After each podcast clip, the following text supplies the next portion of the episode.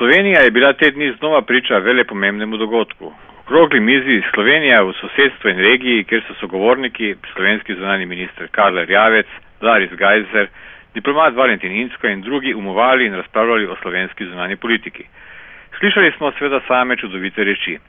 Slovenski zunani minister je naprimer povedal, da je Slovenija vse pomalem, je sredozemska država, je celinska država, usmerjena je tudi proti Zahodnemu Balkanu, kar nam je daje še posebno dinamiko.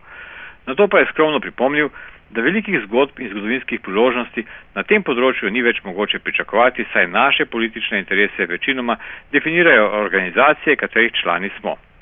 Publiko je še posebej razveselilo dejstvo, da je Slovenija strateške partnerje za leto 2013 opredelila kot Kitajsko, Indijo, Turčijo, Kazahstan, Azerbejdžan, kar naj bi bilo nekaj novega v slovenski zunani politiki. Laris Gajzer je v duhu panevropskega gibanja povdaril pomen zunanje politične strategije, pozicioniranje v svetu in nevarnosti stalne razklanosti na naše in vaše. Radostne soze pa so na lica večjega dela publike privrele ob skromni oceni Valentina Inska, da je ogromna primerjalna prednost Slovenije poznavanje regije ter poglobljeno poznavanje jugovzhodne Evrope. Nekoliko pelina je sogovornikov nalil samo Boruč Ukle, ki je glede reševanja problematike Ljubljanske banke ocenil, da te problematike ne bi smeli prenašati na evropsko raven. Poglejmo sedaj na hitro vse naštete bisere slovenske zunanje politike. Kar se tiče določitve novih strateških partnerjev in to za leto 2013 je seveda očitno, da slovenska zunanja politika zamuja za celo desetletje in več. Da gre za hitro raztoče trge in da skupina BRIC postaja vse pomembnejša v svetu, smo vedeli že sredi 90-ih. Tudi takrat je slovenska zunanja in gospodarska politika še vedno rinila samo na zahod. V državah Brit so nas zato že dosklej prehitele mnoge druge države. Kar se tiče delitev na vaše in naše, je to verjetno še najmanj, kar bi moralo skrbeti zunanjo politiko.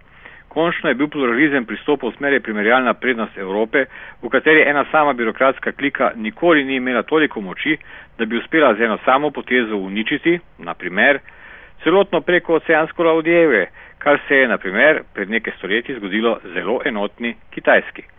Še posebej zabavno pa je stalno zaklinjanje, kako Slovenija menda pozna regijo. To je morda veljalo še pred leti, danes pa vse manj. Slovenija je v regiji še vedno velik investitor, v javnem prostoru pa njene diplomacije nikjer ni videti na delu. Tu s svojimi donacijami, promocijskimi nastopi in ostalimi znaki prestiža kraljujejo zlasti nemški, avstrijski, češki, francoski in britanski diplomati. Slovenska diplomacija deluje včasih prav zaplankano in naduto hkrati. Naprimer, s svojo internetno stranjo veleposlaništva v Beogradu, na katerem informacije o tem, kako naj si izbrisani uredijo status Slovenije, razglaša kar v slovenščini. Da o tem, da mlajše generacije več sploh ne potujejo v to regijo in da se nikjer ne učijo tako imenovanega BHSC jezika, sploh ne govorimo. Še se spomnimo, kako zelo je bil Borut Pahor ponosen na proces Brdo. Toda čeprav je takratnega srpskega predsednika Tadiča osebno pripričeval, da naj pride v Slovenijo, se tedajni predsednik Srbije ni udeležil srečanja v Sloveniji. Stačijem se je na to mimo grede rokoval na Croatia summitu v Dubrovniku. Premijer Dačič pa je na to isto storil v Bruslju pred zunanjo ministrico EU, baroneso Ashton. Toliko o dometih slovenske diplomacije. Poglejmo sedaj še zadnji problem naše pozicioniranje. Trditev, da nismo dobro pozicionirani, je še kako zmotna. Poglejmo samo en primer. Naše glasovanje v OZN o novem statusu Palestine.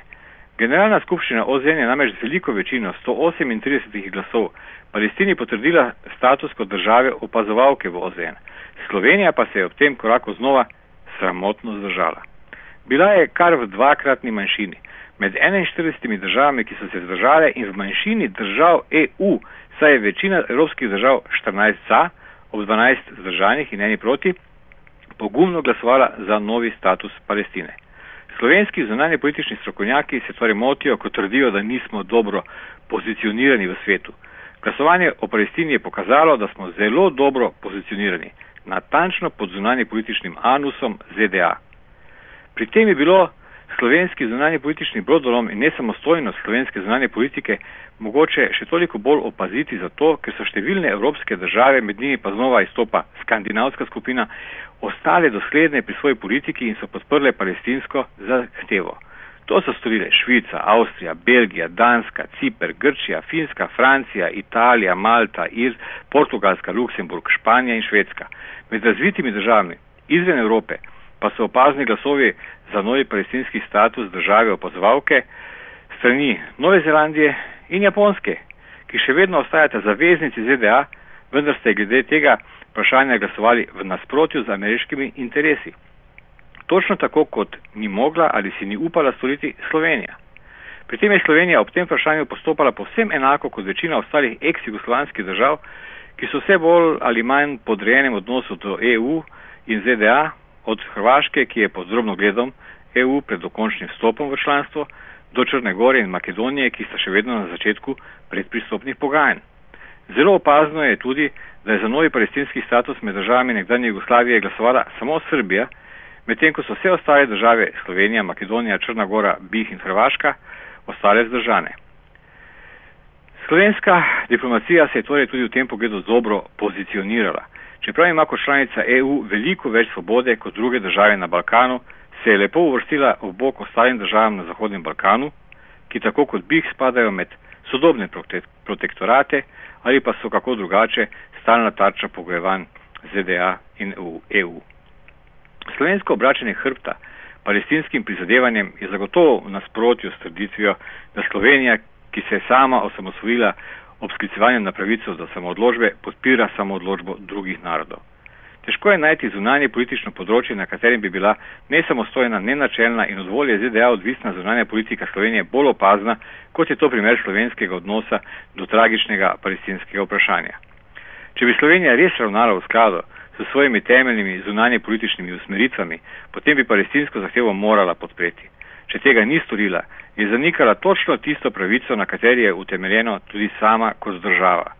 Ne gre le za majhnost teže Slovenije, gre predvsem za pomankanje volje in hrbtenice.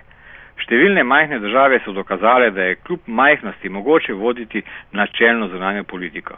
Slovenija pa je še vedno država, ki se v bližnji vzhodni krizi skoraj da ne oglaša, ob glasovanjih v generalni skupščini OZN pa redno, že od svojega nastanka, zaradi svojega strahu pred zamero ZDA pogosto ostaja brez lastnega mnenja. Slovenija si še vedno ne upa storiti tega, kar so storile mnogo manj ekonomsko močne države in kar so si na vse zadnje upali storiti celo žepne državice, kot so Liechtenstein, Luksemburg in Monako. S tem Slovenija potrjuje, da je njena samostojna zunanja politika samostojna samo na papirju. Terminal pripravil Igor Mekina.